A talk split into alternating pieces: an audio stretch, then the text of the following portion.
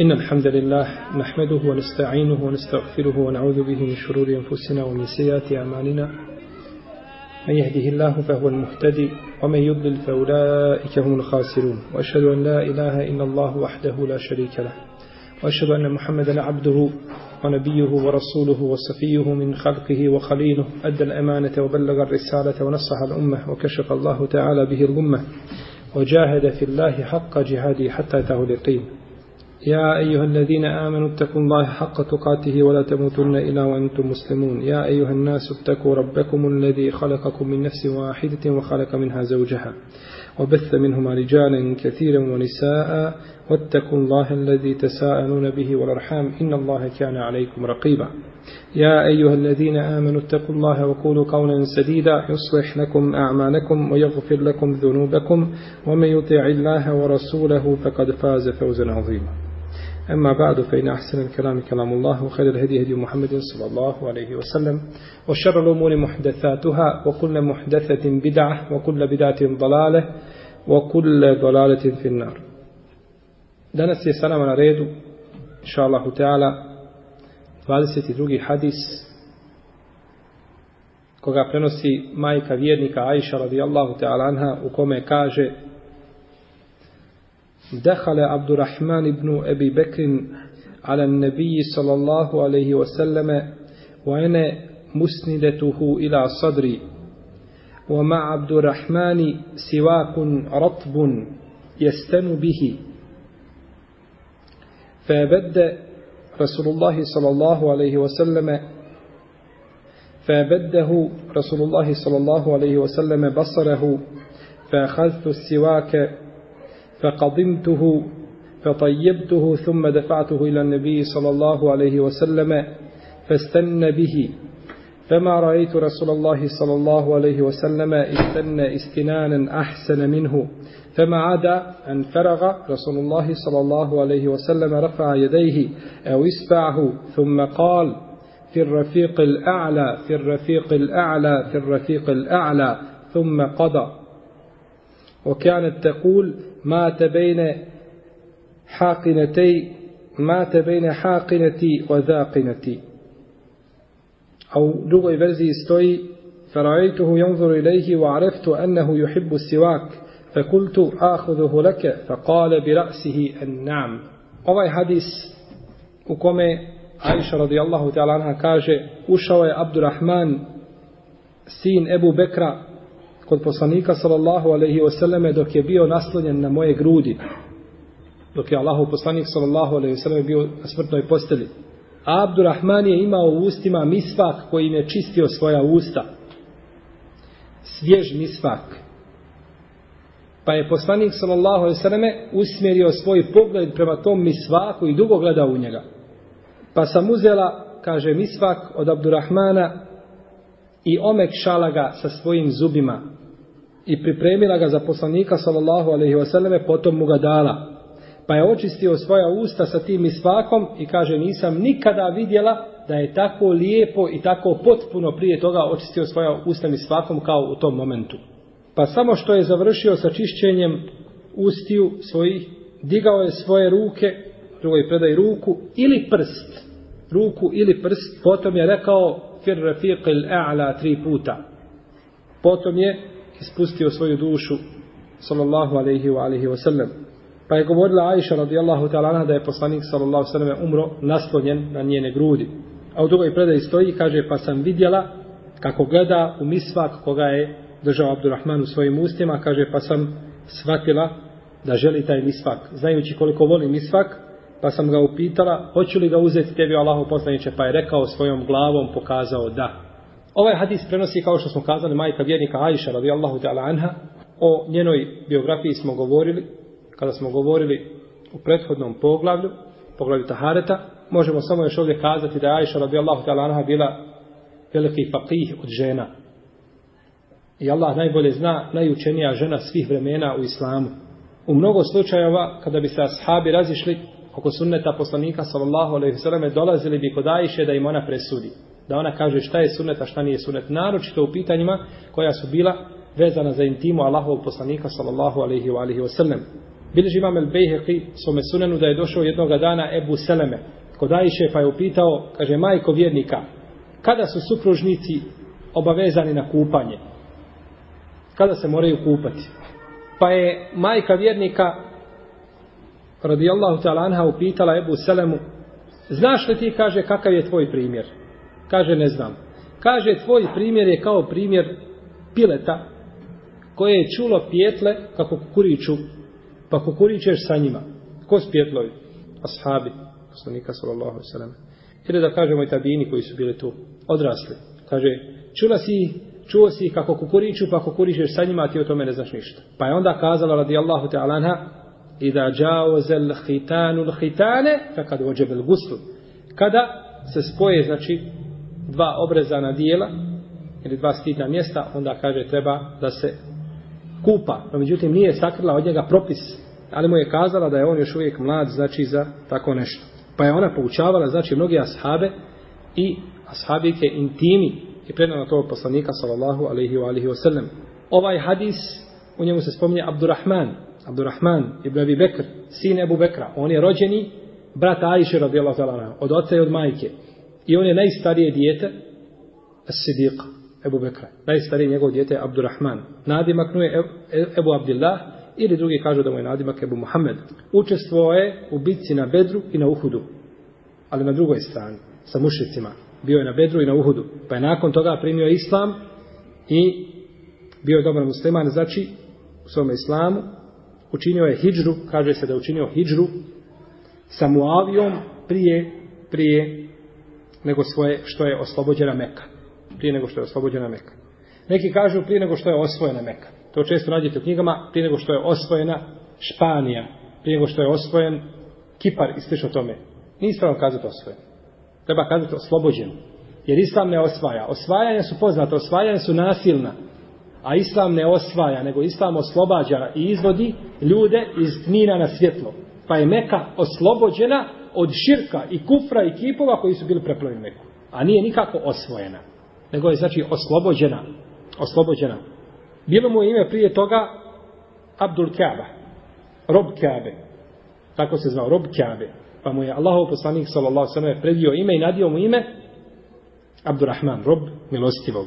Bio je jedan od najhrabrijih kurešijskih mladića i jako dobar u bacanju koplja i strela. Učestvuje na bitci na, jam, na jemami sa Halidom ibn Walidom. radijallahu ta'ala anhuma. Prenosio poslanika sallallahu sallam Abdurrahman je osam hadisa, tri su kod Buhari i kod muslima. Ima sina koji se zove Muhammed. Ima sina koji se zove Muhammed koji je rođen za vrijeme poslanika sallallahu alaihi sallam. Ali nije od njega ništa prenio, nego je rođen to vrijeme i vidio poslanika sallallahu sallam i računa se da je ashab. Pa porodica Ebu Bekra ima jednu odliku koju nema niko drugi od ashaba. A to je da je ovaj Muhammed ashab. Njegov babo Abdurrahman ashab. Njegov babo Ebu Bekr ashab. Njegov babo Kuhafe ashab. Četiri generacije sin, otac, djed i pradjed, svi ashabi. I ovo nije, ne poznaje se u islamu da ima iko drugi nego porodica Ebu Bekra. Znači Muhammed, Abdurrahman, Ebu Bekr i Kuhaf. Svi su ashabi. Na čijem ovo primjeru liči? Ko će mi kazati? Tako je, od Ibrahima a.s. Ibrahima a.s. imao sina Ismaila. Ismail imao Jakuba. Jakub imao Jusufa. Jusuf, Jakub, Ismail, Ibrahim. Pa otac, sin, otac, djedi, pradjed, svi su bili, svi su bili poslanici. Naravno da je ona prva, ona prva deređa veća od ove. No, međutim, četvorice, četiri znači generacije, svi su ashabi poslanika sallallahu alaihi wa alaihi wa sallam. Umro je, radijallahu ta'ala anhu, u Habeši, Habeša. To je jedno brdo koje je udaljeno 6 milja od Mekke. Nije Habeša, ona što su oni, ovo je Habeša sa slomljenim elifom na kraju. To je jedno brdo koje je u neposrednoj blizini Mekke, 6 milja od Mekke udaljeno. Kada je umro, 53. ili 54. ili 55. shodno razilaženju istoričara, Ajša radijallahu ta'ala je oslobodila jednog od njegovih robova, ne bi, mu, ne bi mu Allah Đelešanu znači to upisao u njegova dobra djela i olakšao mu polaganje računa. Ovdje u hadisu kaže Ajša radijallahu ta'ala ušao je Abdurrahman, a sa njim jer u njegovim ustima svjež misvak kojim je čistio svoja usta.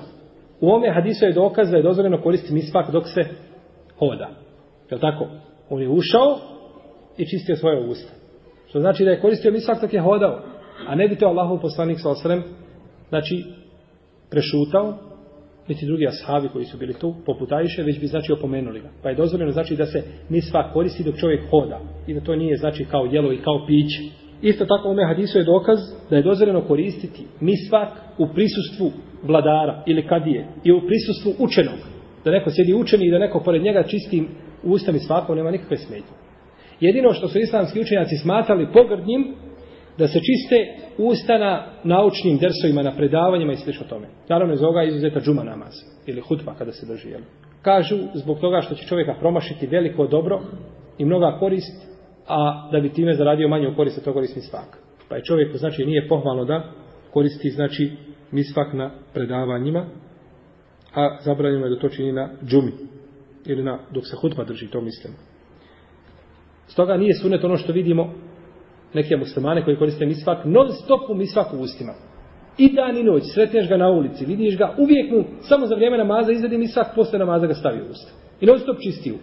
Cijelo vrijeme na predavanju sjedi čisti u usta. Misvakom, to nije, to nije sunet poslanika sa osanem, već treba, znači, misvak koristi samo kada ima potreba za to, ili onim mjestima, znači, ili onim vremenima kada je sunnet. A da se čovjek samo zabavi s otim, to nije bila praksa Allahovog poslanika, sallallahu alaihi wa sallam. Allahov poslanik alaihi sallatu vesselam bi koristio misvak od palme. klipu od palme ponekad bi koristio, a ponekad bi koristio drvo koje se zove erak.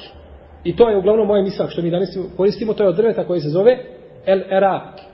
A nekad bi Allahov poslanik uzeo drvo ili štapić od palme pa njime čistio usta. I kod Buharije u drugoj verziji ovoga hadisa pod brojem 4651 se prenosi da je Ajš rekla ušao je Abdurrahmana u njegovim ustima misvak ili štapić od palme koji je čistio svoje usta. U predaji kod imama Hakima u njegovom ustedreku, četvrtom tomu, stoji da je da je to bio erak, da je bio misvak obični ovaj. Pa je došlo do razilaženja u predajama. No, međutim, u svakom slučaju ono što je Buharija prenio sigurno i razostojnije i prihvatljivije. Febeddehu Rasulullahi sallallahu alaihi wasallame basarahu. Pa je Allahov poslanik dugo gledao znači u taj, u taj misvak. U njemu je dokaz koliko je poslanik sallallahu sallam, volio misvak. Jer u takvim momentima da čovjek usmjeri svoj pogled u nešto u najtežim momentima, to je sigurno dokaz da voli tu stvar.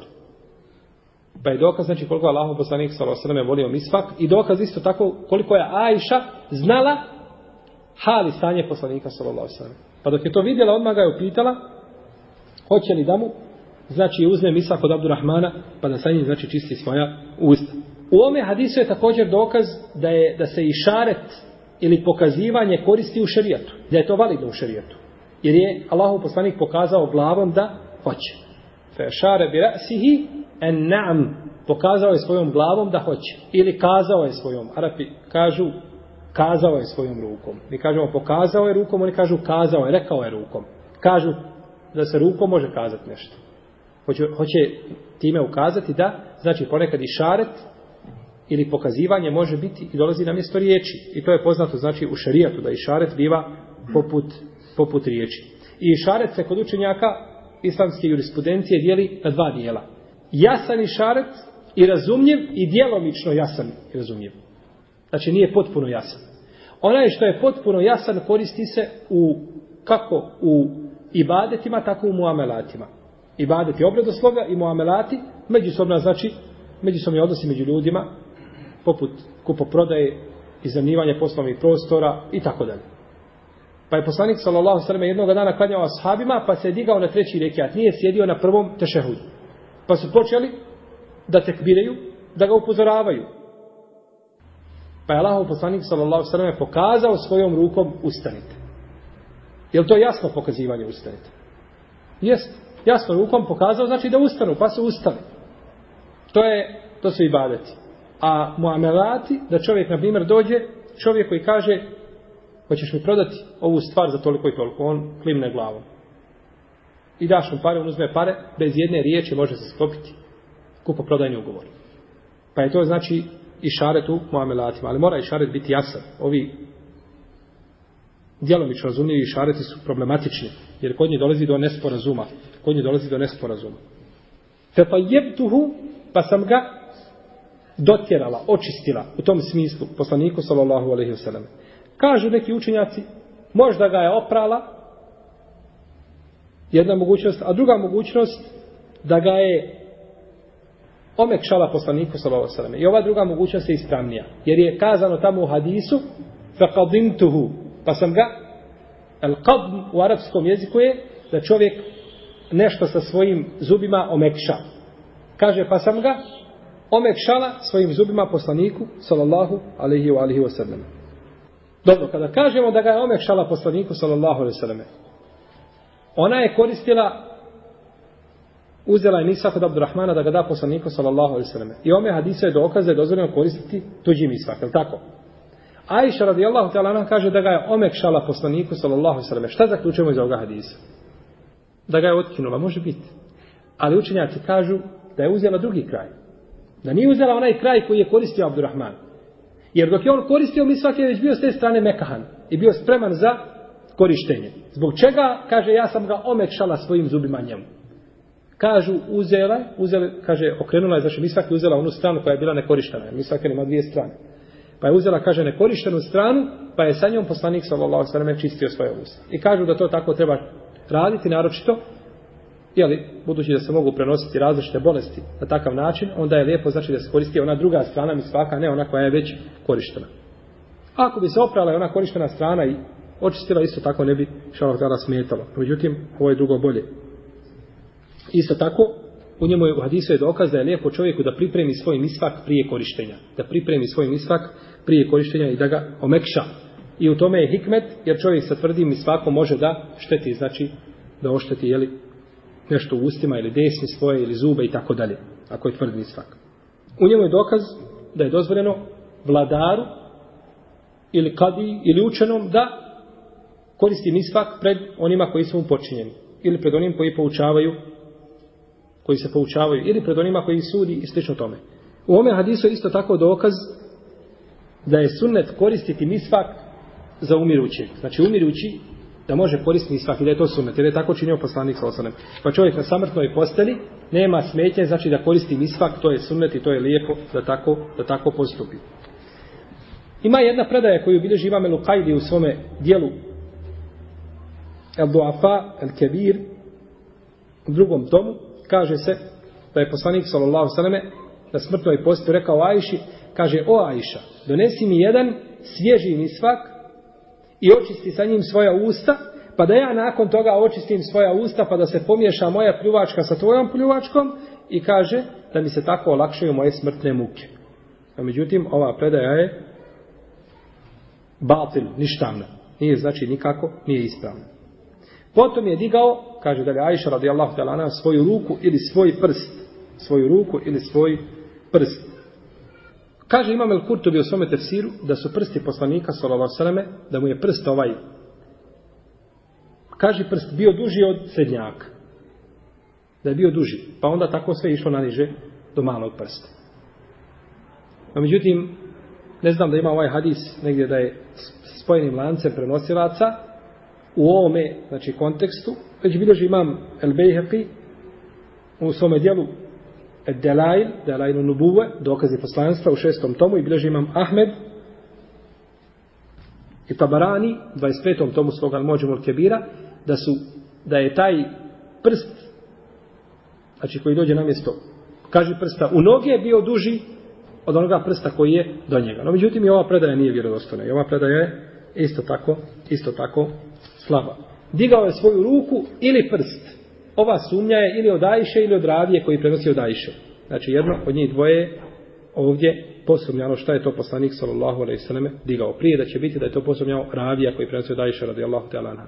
I potom je rekao fir rafiqil a'la u rafiq al a'la i to ponovio tri puta, ukazujući ovdje na riječi Allaha Đelešanu وَمَنْ يُطِعِ اللَّهَ وَرَسُولَهُ فَأُولَٰئِكَ مَعَ الَّذِينَ أَنْعَمَ اللَّهُ عَلَيْهِمْ مِنَ النَّبِيِّينَ وَالصِّدِّقِينَ وَالشُّهَدَاءِ وَالصَّالِحِينَ وَحَسُنَ أُولَٰئِكَ رَفِيقًا A oni koji budu pokorni Allahu Đelešanu i poslaniku sallam, to su oni kojima je Allah Đelešanu svoje blagodati ukazao od poslanika, iskreni i šehida i dobri i divni su oni društvo. Pa je, znači, tražio poslanik sallam taj Refikul Ala, to su najveći stepeni, najveće deređe. I dokaz je tome hadis koga bilježi Ibn Hibban u svome sahihu, u kome Aisha radijallahu ta'ala anha kaže, on je se poslanik sallallahu alaihi sallam u smrtnim mukama dok se nalazio u mojoj sobi. Pa sam ga brisala po njegovoj glavi ili potirala po njegovoj glavi i dovila mu da ga Allah Želešanu izliječi. Pa kad se osvijestio ponovo, rekao je poslanik sallallahu alaihi wasallame, La bel es'alu Allahe ar rafiqa al-a'la ma Džibrile, Mikaile, o Israfil.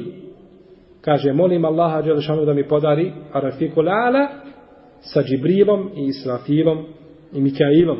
Pa je ovo znači dokaz da je poslanik sallallahu sallam ovdje u stvari tražio najveće stepene, najveće stepene dženneta. Thumma qada, potom je poslanik sallallahu alejhi ve sellem ispustio svoju plamenitu dušu alejhi salatu ve selam. Iz ovoga hadisa se isto može uzeti zaključak ili dokaz da je dozvoljeno bližnjima od žene da ulaze, znači kod njenog supruga, dok se nalazi u znači, smrtoj postelji ili dok je bolestan i općenito, slično tome. Isto je tako dokaz o ome hadisu, da je dozvoljeno da čovjek koji je znači na smrtnoj postelji da se stavi u sjedeći položaj i da se nasloni nekome na njegove grudi, bilo ženi ili kćerci ili sestri i tako dalje a nije obavezno čovjeka okretati na, okretati na desnu njegovu stranu. Tako kažu neki islamski učenjaci. I mi znamo da postoji oko okretanja umirućeg na desnu stranu i prema kibli da postoje razilaženje među islamskim učenjacima. Čina pravnika to smatra legitimnim, Sa'id ibn al-Musayyib je to mrzio. Mrzio to okretanje. U svakom slučaju o ovome ćemo pitanju govoriti kada dođemo poglavlje dženaze, inša Allah, o okretanju umirućeg prema kibli. U hadisu je isto tako dokaz o prenošenju događaja koji su se zbivali poslaniku sallallahu alejhi ve njegovom ummetu da bi se mogli znači slijediti njegov sunnet alejhi salatu vesselam. Neki učenjaci kažu učenjaci šafijske pravne škole smatraju da je misfak bio propisan poslaniku sallallahu alejhi ve da je misfak njemu bio vađib dok je drugim ljudima bio sunnet. Umro je poslanik sallallahu alejhi ve selleme 11. hidžretske godine poslije oprosnog hadža 81 ili 82 dana ovisno razilaženju među islamskim, među islamskim učenjacima. Kada se je nalazio na smrtnoj posteli, njegovi bolovi su u stvari počeli, bolovi u glavi su počeli dok se je nalazio u Ajšinovi kući. Drugi kažu kod Mejmune, treći kažu kod Zejnebe, četvrti kažu kod Rejhane. Znači nije tačno pouzdano gdje su počeli njegovi bolovi. Ali se zna da je tražio nakon toga od svojih žena da mu dozvole da se liječi u kući Ajše radijallahu ta'ala anha. I znači tada je poslanik sallallahu alejhi imao u tom vremenu 63, 63 godine. Umro je, ali i salatu wasalam, ujutro, ponedjeljkom, kako kažu islamski učenjaci, imam Buharija spominje da se to desilo na kraju toga dana, Hakim kaže da je to bilo nakon zalaska sunca. U svakom slučaju bilo ovo ili ono, na ome se pitanje ne grade nikakvi šarijetski propisi jer ne postoji vrijeme kada je sunnet umirati, je tako? Čovjek ne umire svojom voljom, nego umire kad mu Allah Žešanu to odredi, Pa nema vrijeme da kažemo sunnet je umrijeti u tom i tom vremenu. Ali možemo kazati da je lijepo umrijeti u tom i tom mjestu, kao Medina, ili tako? Jer je to poslanik s.a.v. preporučio ko može da umre u Medini. A čovjek može da izabere izbor smrti u Medini. Ne uvijek, ali može tragati i ići tim putem, znači da umre u Medini. Ovo je bio hadis koga prenosi Aisha radijallahu ta'ala anha, prezadnji hadis u poglavlju Misvaka, nakon, nje dolazi, nakon toga dolazi hadis Ebu Musa Lešarija, kome ćemo inša Allah govoriti u našem narednom predavanju. I to je zadnji hadis koji se tiče poglavlja svaka. I nakon toga ćemo početi sa poglavljem, inša Allah sa poglavljem mesu alel hufejni. El mesu alel hufejni. Potiranje po mespama. Potiranje po mespama. Wallahu ta'ala anem. Sallallahu ala nebina Muhammed. Wa ala alihi wa sahabi.